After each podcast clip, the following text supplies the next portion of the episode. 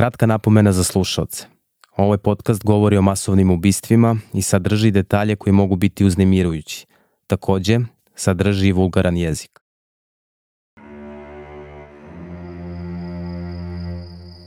Bila je noć, oko 11 sati uveče. Put od Malog Orašja do Dubone je krivudav i neosvetljen. I sama Dubona je nekako sablasno mračna.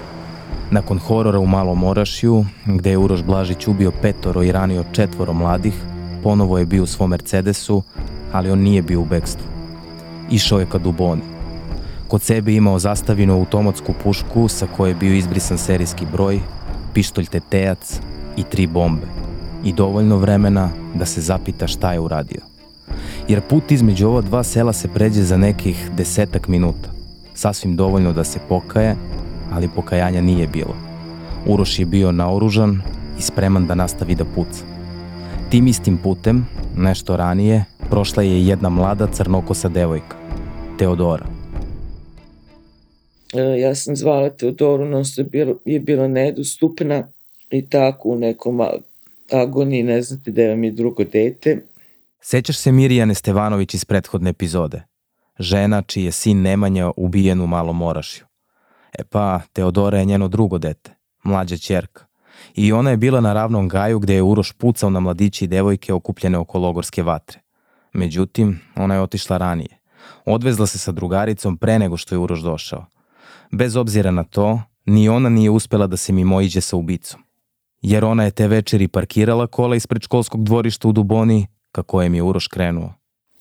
Teodora je ostala u kolima i posle nekih 10 e, minuta Uroš Blažić je došao tu, bio je bukvalno preko puta nje gde je ona videla sve šta on radi, da je on izašao iz auta. Gde su njoj bila parkirana kola? Gde? Uh, Pošto smo bili do, bili, e, bili smo do škole. Njen, njen auto je bio parkiran uh, um, kod uh, ležećeg pandura, uh, ležećeg policajca, ali u pravcu Malog Orašije a njegov je bio parkiran do prodavnice sa druge strane ležećeg pandura. Znači, ispred školskog dvorišta praktično. Da, da. Da, ona i videla ga je kad je on izašao i kad je rekao, deci, lezite, pucaću. U tom trenutku je, kad je Što on... on je rekao, on je izgovorio to? Da. I ovaj, ona kad je videla da on puca, ona je izašla iz auta, u tom trenutku je on ju vid, pogledao i krenuo da puca na nju, međutim ona je pobegla sa u tu donju dubonu, znači u neku kuću napuštenu. Teodora je uspela da pobegne od Uroša Blažića i da pozove policiju. Ali nisu svi bili te sreće. Troje mladih je ubijeno, a još četvoro njih je ranjeno. Naš zakon o oružju je strog, smatraju stručnjaci.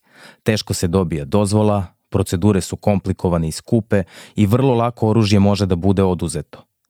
Pa kako je uprkos tome Uroš imao prilike da se naoruža automatskom puškom, pištoljem, bombama, a da mu u porodičnoj kući policija kasnije pronađe još gomilu oružja i municije.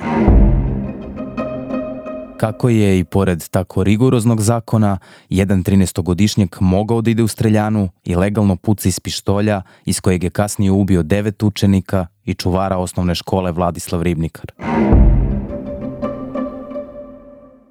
kako je uopšte imao pristup tom oružju i tolikoj municiji. I zašto se ljudi uopšte naoružavaju? Takođe postoji ta kultura oružja u našem društvu i ljudi jednostavno misle da treba da ga posjeduju iz različitih razloga. Kod nas se puca na proslavama.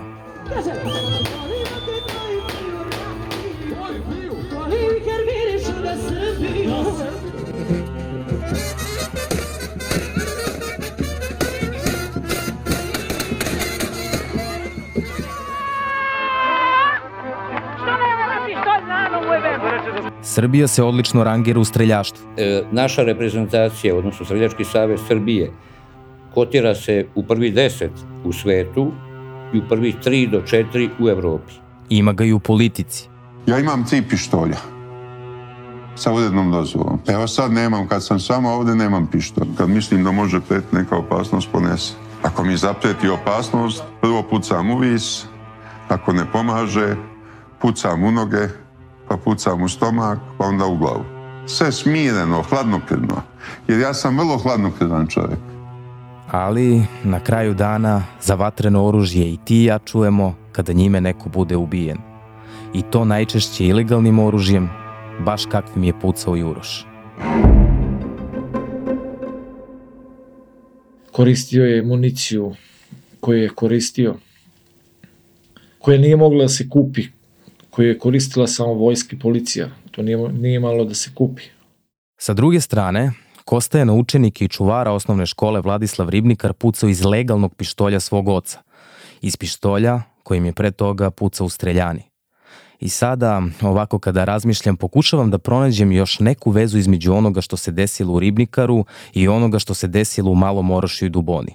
Da nije bilo prisutno oružje u oba slučajeva, možda bi do tih incidenata došlo, ali ne bi posledice bile ovakve. Ili bi dru, drugačiji bi bili jednostavno, drugačiji bi se završili. I to, to je ono što, što je bitno. Da li je odgovor jednostavno oružje ili je to dostupnost oružja i naša rastuća obsesija njime?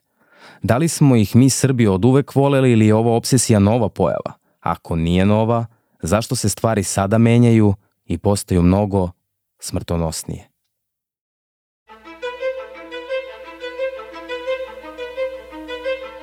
Ja sam Stefan Marković, a ti slušaš podcast Tragovi. Zao čas. U ovom serijalu govorimo o masovnom ubistvu u Ribnikaru i onom koje se samo dan kasnije dogodilo u selima Malo Orašje i Dubona.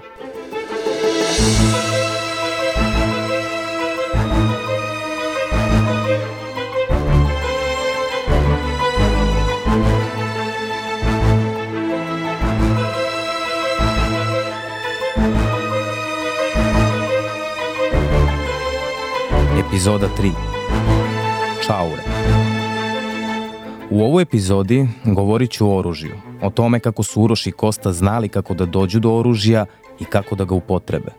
Koliko ima nelegalnog, a koliko legalnog oružja kod nas. Da li je 13-godišnjem Kosti bilo mesto u streljani i kako je u njoj legalno pucao iz pištolja?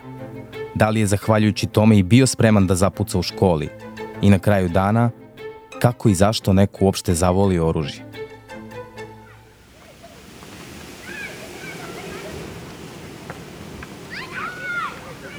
Ovo što čuješ je školsko igralište osnovne škole u Duboni.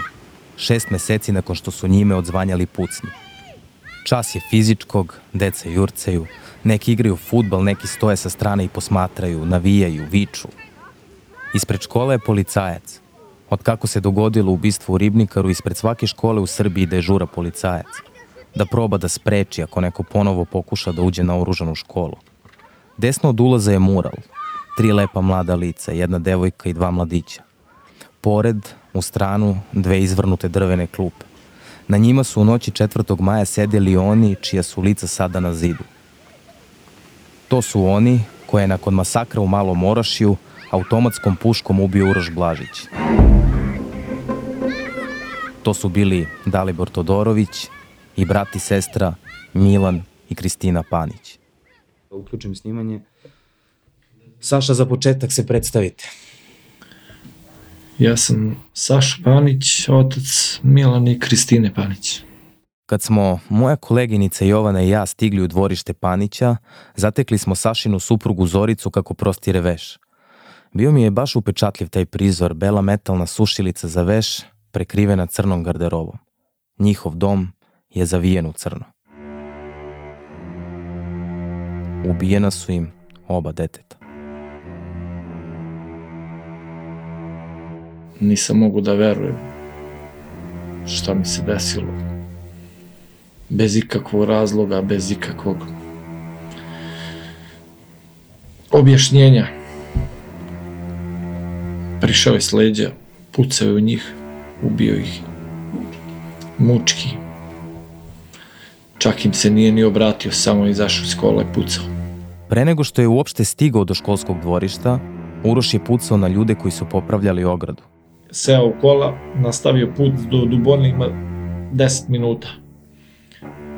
Ne, ne pokajaš i se, ne, ne razmisliše, ni- niti bilo šta umeđu vremenu. Ima, imao je vremena onda razmisli šta sam uradio, daj da staje, ljudi rade kapiju. Uhvatio ih mrak, nisu završili. Bilo je njih šest, sedam majstora koji su radili tu. Izašao iz kola, pucao, nije im se obratio. Jel pogodio nekog od njih? Jeste, pogo- pogodio je. Pogodio je sve, samo što je pucao iz pištolja. Četvoro. Četvoro Iz pištolja. I ranio ih je, nije, nisu, nije niko poginuo. Posle 200 metara je školsko dvorište gde su naše deca sedela. U Zoričinom glasu i pogledu vidi se neopisiv bes. Gledaš svoju decu na 3 metra i ne možeš da im priđeš. Prosto ne veruješ da su mrtvi. Hoću da priđem, hoću da vidim, nisu mi dali. Od koliko sati? Od 11 uveče do ujutru do 4. Vi ste sve vreme stajali. Sve vreme molila, plakala, vrištala, psovala. Šta nisam radila? Prvo sam probala lepo, onda sam se idrala na sve njih i ne znam više šta sam sve Šta pokušavala. su vam rekli? Pa ništa, ljudi rade svoj posao. Mislim, te, te policajce poznajem, to, to su momci koji su sa mojim Milanom radili, to su iz Mladenovca. Dečko me drži i plače sa mnom. Mislim, ne sme da me pusti. Ali moglo je to pre nego što smo mi došli da deca stave u hitnu i da ih odvedu. Mislim, čemu ta agonija celu noć? To, to me boli, mislim, ako nije moglo da se spase, zašto su ostavili samo njih dvoje? Čemu to? Milan je bio policajac. U noći kada je ubijen zajedno sa svojom sestrom nije bio na dužnosti, ali je voleo taj posao. To je mašta od deteta da bude ispunio je želju. Hteo da upiše sada u oktobru fakultet, da nastavi školovanje dalje. I kao i svaki policajac, i Milan je imao pištolj, ali ga nije čuvao kući. Njemu je oružje bio sastavni deo posla, ali on prema njemu nije imao odnos kakav je imao ubica Uroš Blažić. Pa Milan je donosio u početku pištolj kući i e, njegova sestra Kristina, ona je, zvali su se Mališ, ajde Mališ imam jedan posao za tebe. I onda ona koliko plaćaš i tu se dogovore, obično bude jedna hiljadarka ili 500 da mu usisa, da mu sredi sobu i ja nisam voljela što on donosi pištolj kući. I onda je on posle mesec, dva sa starijim kolegom s kojim je radio, dogovore se i on mu dao od sefa ključ i ostavljao ga na poslu. Bila mi je mirna glava, ne donosi pištolj kući, sestra neće da uzme u ruke i prosto ne mora da bude kući. A dok sa druge strane drugi roditelji drugačije uče. Daj što više i upotrebi ga na nedužnu decu. E tako. Neki roditelji ovako uče decu, neki drugačije. A na sve to ja od njih ne osjećam ni neko pokoja, pokajanje, ni sažaljenje, ni saučešće, ni ništa. Od njih ne osjećam. Čak mislim da nam se ismevaju. Tako imam osjećaj. Zdravo, ja sam Vladimir Kostić, glavni i odgovorni urednik CINSA. Mesecima smo svaki dan radili da bismo napravili ovaj podcast. Stefan i Jovana su intervjuisali na desetine sagovornika, pregledali na stotine stranica dokumentacije i prešli kilometre i kilometre kolima. Zato, da bismo mogli da nastavimo da za tebe snimamo istraživačke podcaste, potrebna nam je tvoja pomoć. Pronađi na Patreonu CINS podcasti i podrži nas. Ili to uradi putem našeg sajta cins.rs kroz doniraj. Hvala što nas slušaš. Sećaš se da sam u prošloj epizodi govorio o tome kako je Centar za socijalni rad Zvezdara davao mišljenje da između ostalog Uroš porodičan mladić i kako je stanje u porodici zadovoljavajuće. Evo, sada ću da ti citiram deo izveštaja Centra za socijalni rad Zvezdara iz februara 2020. Ovako. Roditeljsko delovanje se može okarakterisati kao prihvatljivo, usklađeno i sa pozitivnim karakteristikama vrednostnog sistema. E, sada slušaj ovo. Jovana i ja smo istraživali dublje porodicu Blažić i tu mislim na njihove probleme sa pravosuđem. Četiri godine pre pisanja izveštaja Centra za socijalni rad protiv Uroševe majke pokrenut je postupak. Bilo je to zbog sumnje da je jednoj ženi ugrozila sigurnost. Tada je njenom suprugu Radiši privremeno oduzeto oružje i to lovačka i malokalibarska puška. Međutim, to oružje mu je vraćeno. I onda mu je ponovo oduzeto kada se Uroš krajem 2021. potukao. Milanov i Kristinin otac Saša odgovornost za ubistvo svoje dece vidi kod Uroševog oca. Otac mu je to omogućio, donosio oružje, dakle donosio, ne znam, bio je voljno lice. Verovatno da nije donosio, ne bi on mogao ni da napravi takav masakr. Nakon 8 sati potrage u kojoj su bili uključeni helikopteri, ubica Uroš Blažić je uhapšen stotinak kilometara dalje od mesta masakra, u selu Vinjište kod Kragujevca, na farmi svog dede i ujaka. Nakon hapšenja, policija je u kući Blažića pronašla još dosta oružja i municije. Jedan pištolj, jedan revolver, 241 metak različitog kalibra, skoro kilogram baruta, kao i različite delove za oružje. Ali to nije jedina kuća Blažića i to nije jedino njihovo oružje. U njihovim drugim nekretninama pronađeno je još pištolja, pušaka, bombi, na stotine metaka i delova za oružje.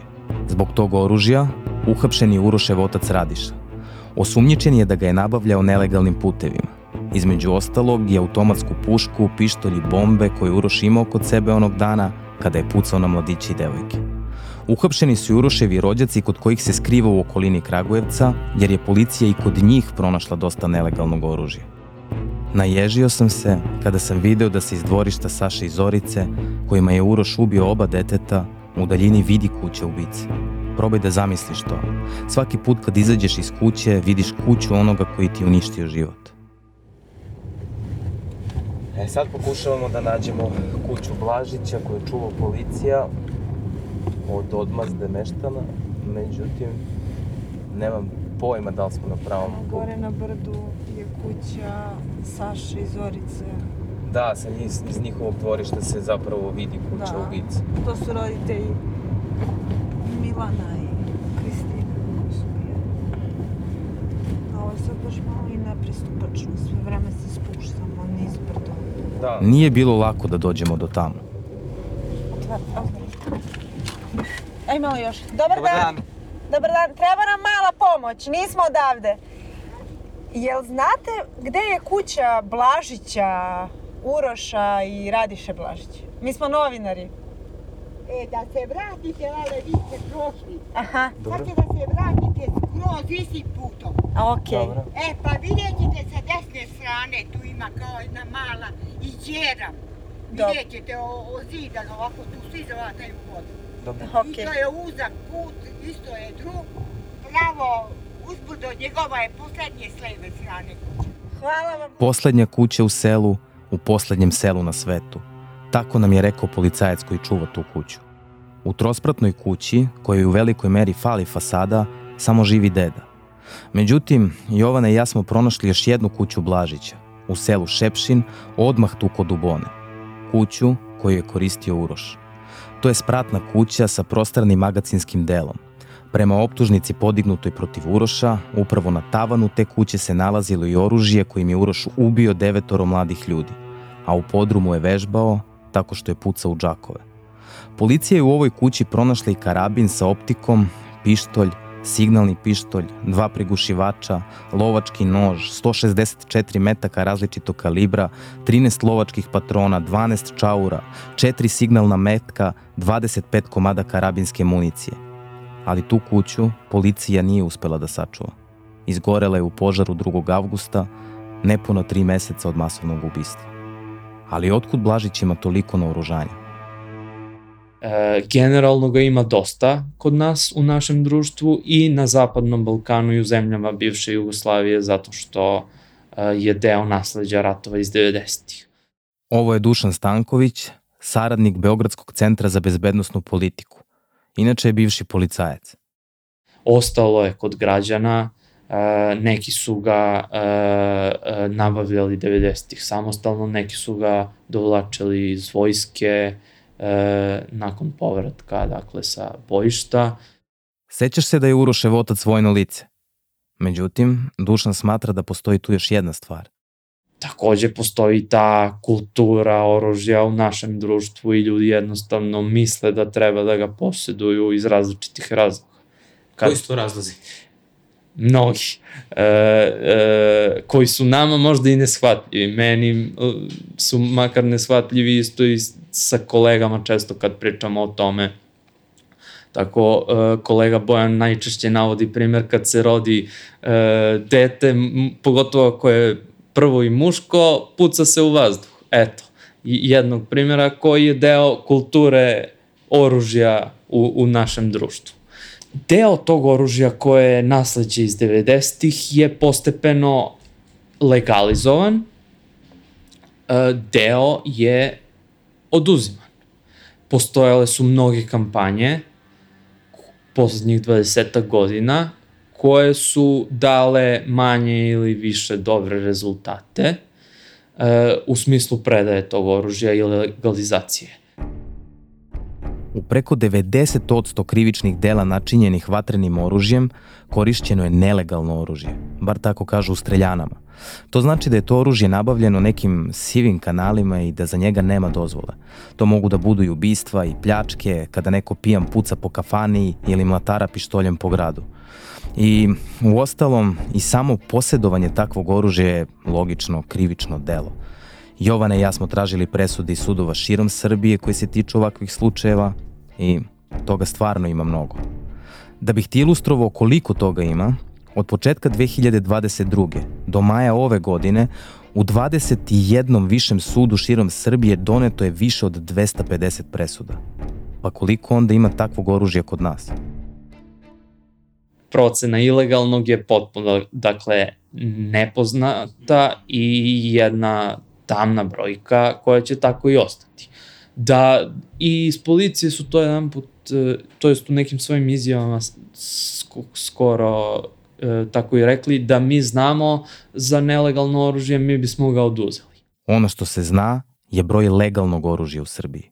Mi sad znamo da su zvanični podaci 760.000 ili 740.000 2023. a da su 2017. 18. oni procenili 1.200.000. I znamo da se to, meni iz prakse poznato, da se ta brojka smanjivala. Da su ljudi vraćali oružje, da im ne treba, da više ne idu u lov, da ovo oružje iz 90-ih se generalno vraća, da da, da sve kreće, da su stroži zakoni, da se oduzima, da, su, da se stroži, stroži su uslovi za posjedovanje e, oružja i to jeste tačno. Ali za razliku od Uroša, koji je pucao iz nelegalnog oružja, 13-godišnji Kosta je pucao iz registrovanog. Bilo je u vlasništvu njegovog oca.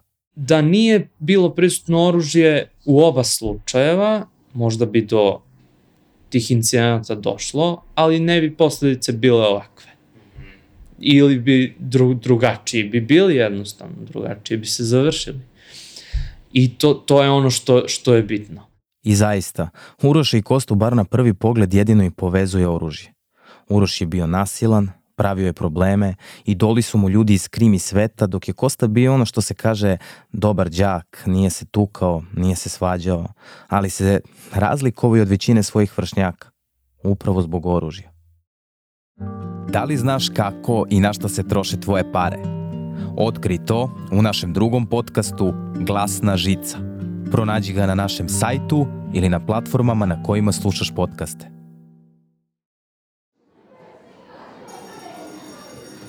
Vidi, većina osnovaca starih razreda razmišlja o tome koju će srednju školu da upiše, zaljubljuje se, pati, osjeća se neshvaćeno, vise na telefonu, takve stvari.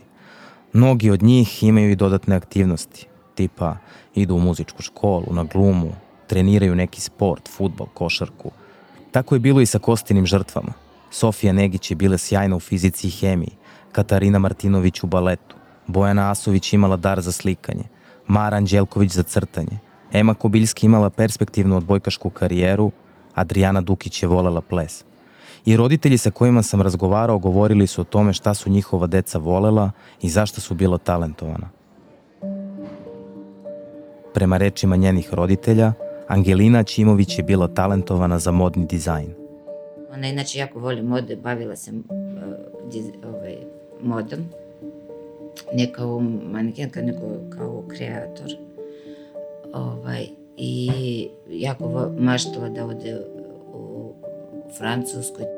Znači njeni radovi crteži kao da je išla u školu za, za crtanje su toliko dobri. O, talenat za sve, to, to je nevjerovatno. Andrije Čikić je bio neverovatan mladi pijanista. Njegov san je bio da jednog dana svira u Carnegie Hallu, kad je bio mali. I to mu je zaista bio san. I onda jednom prilikom, pre ima deseta godine, on kaže, mama da te pitam nešto, ako ja jednog dana stvarno budem svira u Carnegie Hallu, hoćeš ti doći? Ja kažem, ako ti jednog dana stvarno budeš svirao u Carnegie Hallu, ja ću preplinati Atlantik. Razumeš? Ana Božović je trenirala hip-hop ples. Njen tata Ivan kaže da mu deluje kao da su sve žrtve bile divne i talentovane. Ja stalno kad pričam s tim roditeljima kažem ja ne mogu da verujem jer ja kad vidim vas, kad čujem o vašoj deci, to su sve bila divna deca. I ja ne mogu da verujem kao da su meci pogađali samo Bukvalno. ono anđele. Ali za razliku od njih, Kosta je pored drugih aktivnosti ima još jednu. Sa ocem je išao u streljanu. Ako mislite, ako vidite da vam dete ima neki problem ili mislite da onda, hoću kažem, onda ne, ne vodite ga na pucanje.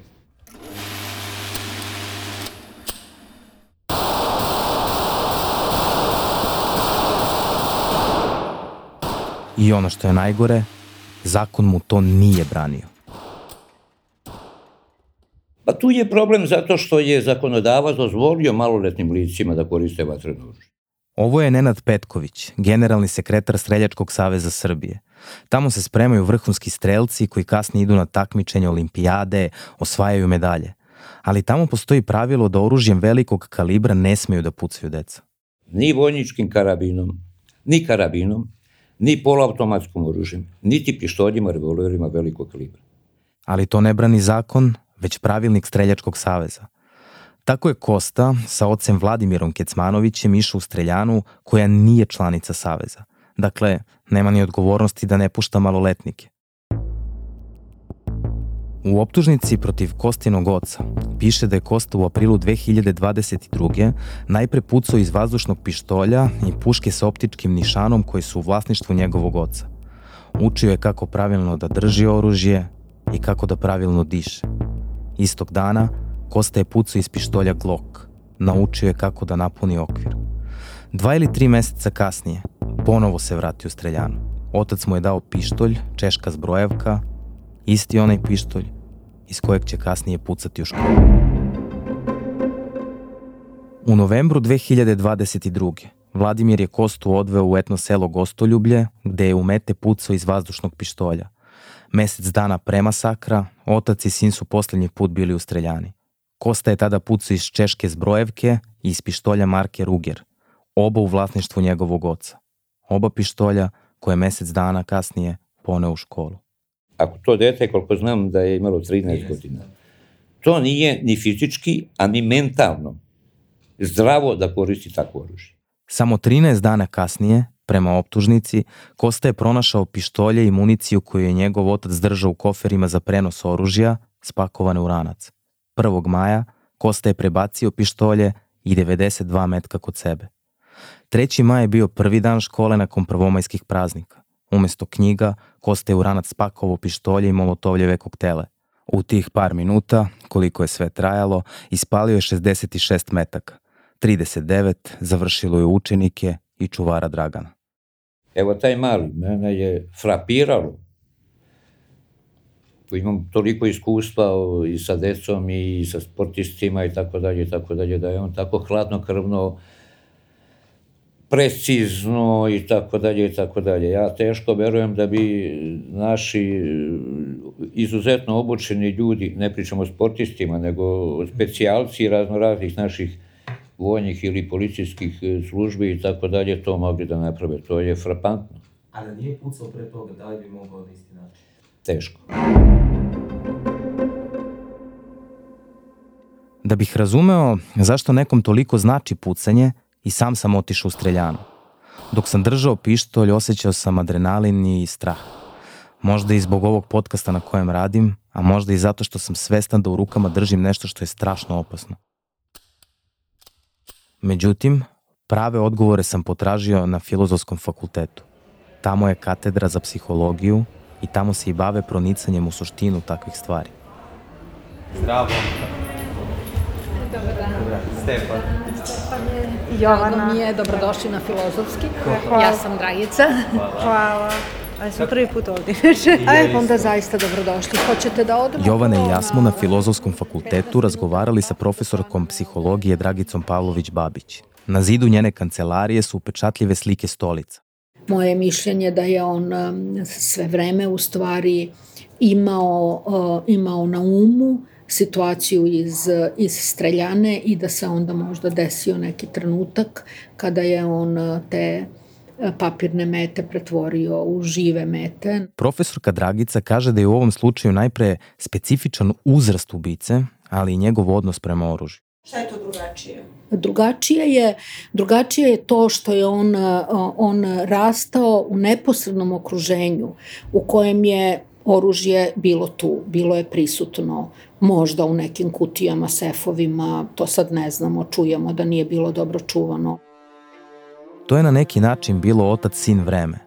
Neko ode recimo na pecanje sa ocem, neko na koncert, neko izađe na teren ispred zgrade i igra futbal, a neko puca.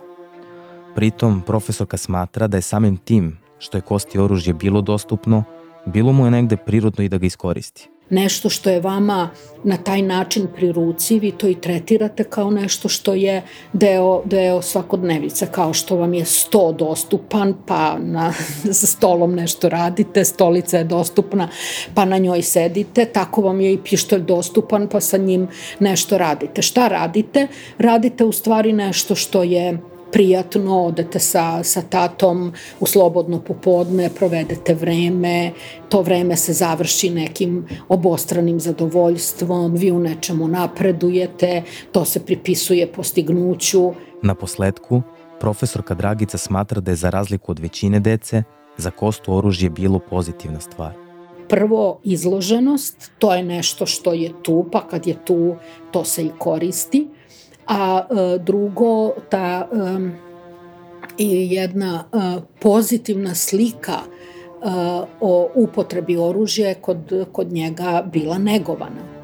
Za razliku od, od druge dece koje verovatno nikad nisu, ili što mislim da je tipično ipak za našu sredinu, da ipak nisi nikad u životu video pištolj, niti držao u ruci i da gde si bio zastrašivan, ipak da je to nešto što nije igračka, nego je to neko, nešto što može da donese veliko zlo i nekako mislim da se većina dece vaspitava tako da da ni ne misli o tome, a ako misli ne kodira to pozitivno. A u ovom slučaju imamo izrazito to, to, to pozitivno kodiranje. Ali zašto onda neko ko nije sportist ili lovac želi ne samo da puca u streljani, već i da poseduje oružje? Kad vam prodaju auto, ne prodaju vam lim, nego vam prodaju brzinu, snagu. Kad vam prodaju oružje, isto vam prodaju moć. Nakon ovih masovnih ubistava, koje su se dogodile u samo dva dana, Ministarstvo unutrašnjih poslova je pokrenulo akciju predaje oružja bez ikakvih posledica. Postoje tragedije koje ne mogu da se prebole. Neke greške ne mogu da se isprave. Svi građani Republike Srbije imaju priliku da predaju nelegalno oružje i eksplozivne naprave Kao što kaže ova dramatična mupova reklama, ako si imao neku pušku, pištolj, bombu, šta god što je neregistrovano, samo odeš u policijsku stanicu, predaš ga i niko te ne pita kako si ga nabavio i slično. Bilo je priča da su ljudi, plašeći se da ne budu ipak privedeni, slali babe u policijske stanice da nose bombe i druga oružja. Zamisli to. Dušan Stanković iz Beogradskog centra za bezbednostnu politiku smatra da je akcija bila uspešna.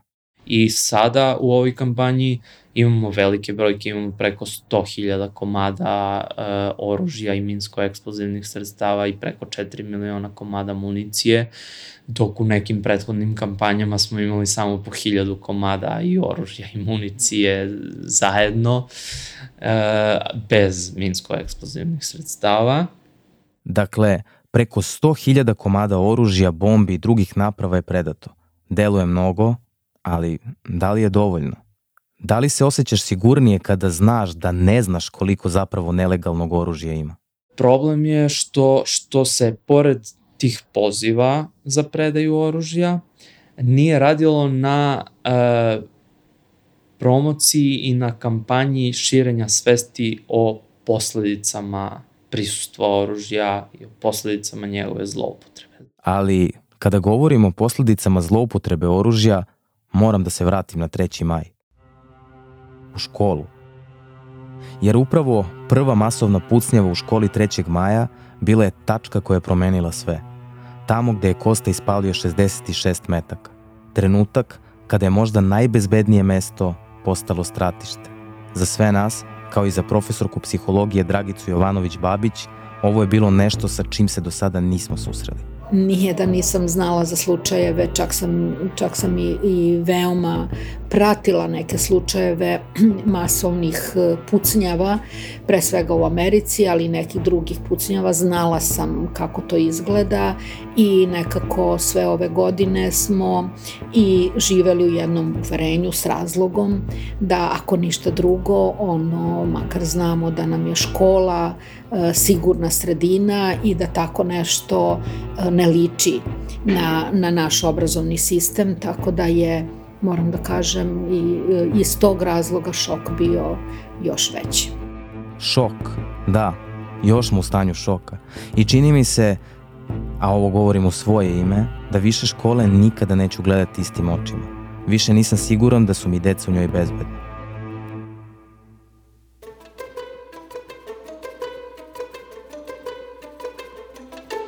U sledećoj epizodi govorit ću o tome da li su nam škole bezbedne, Mi ćemo u narednih šest meseci primiti 1200 novih policajaca. To je prva mera.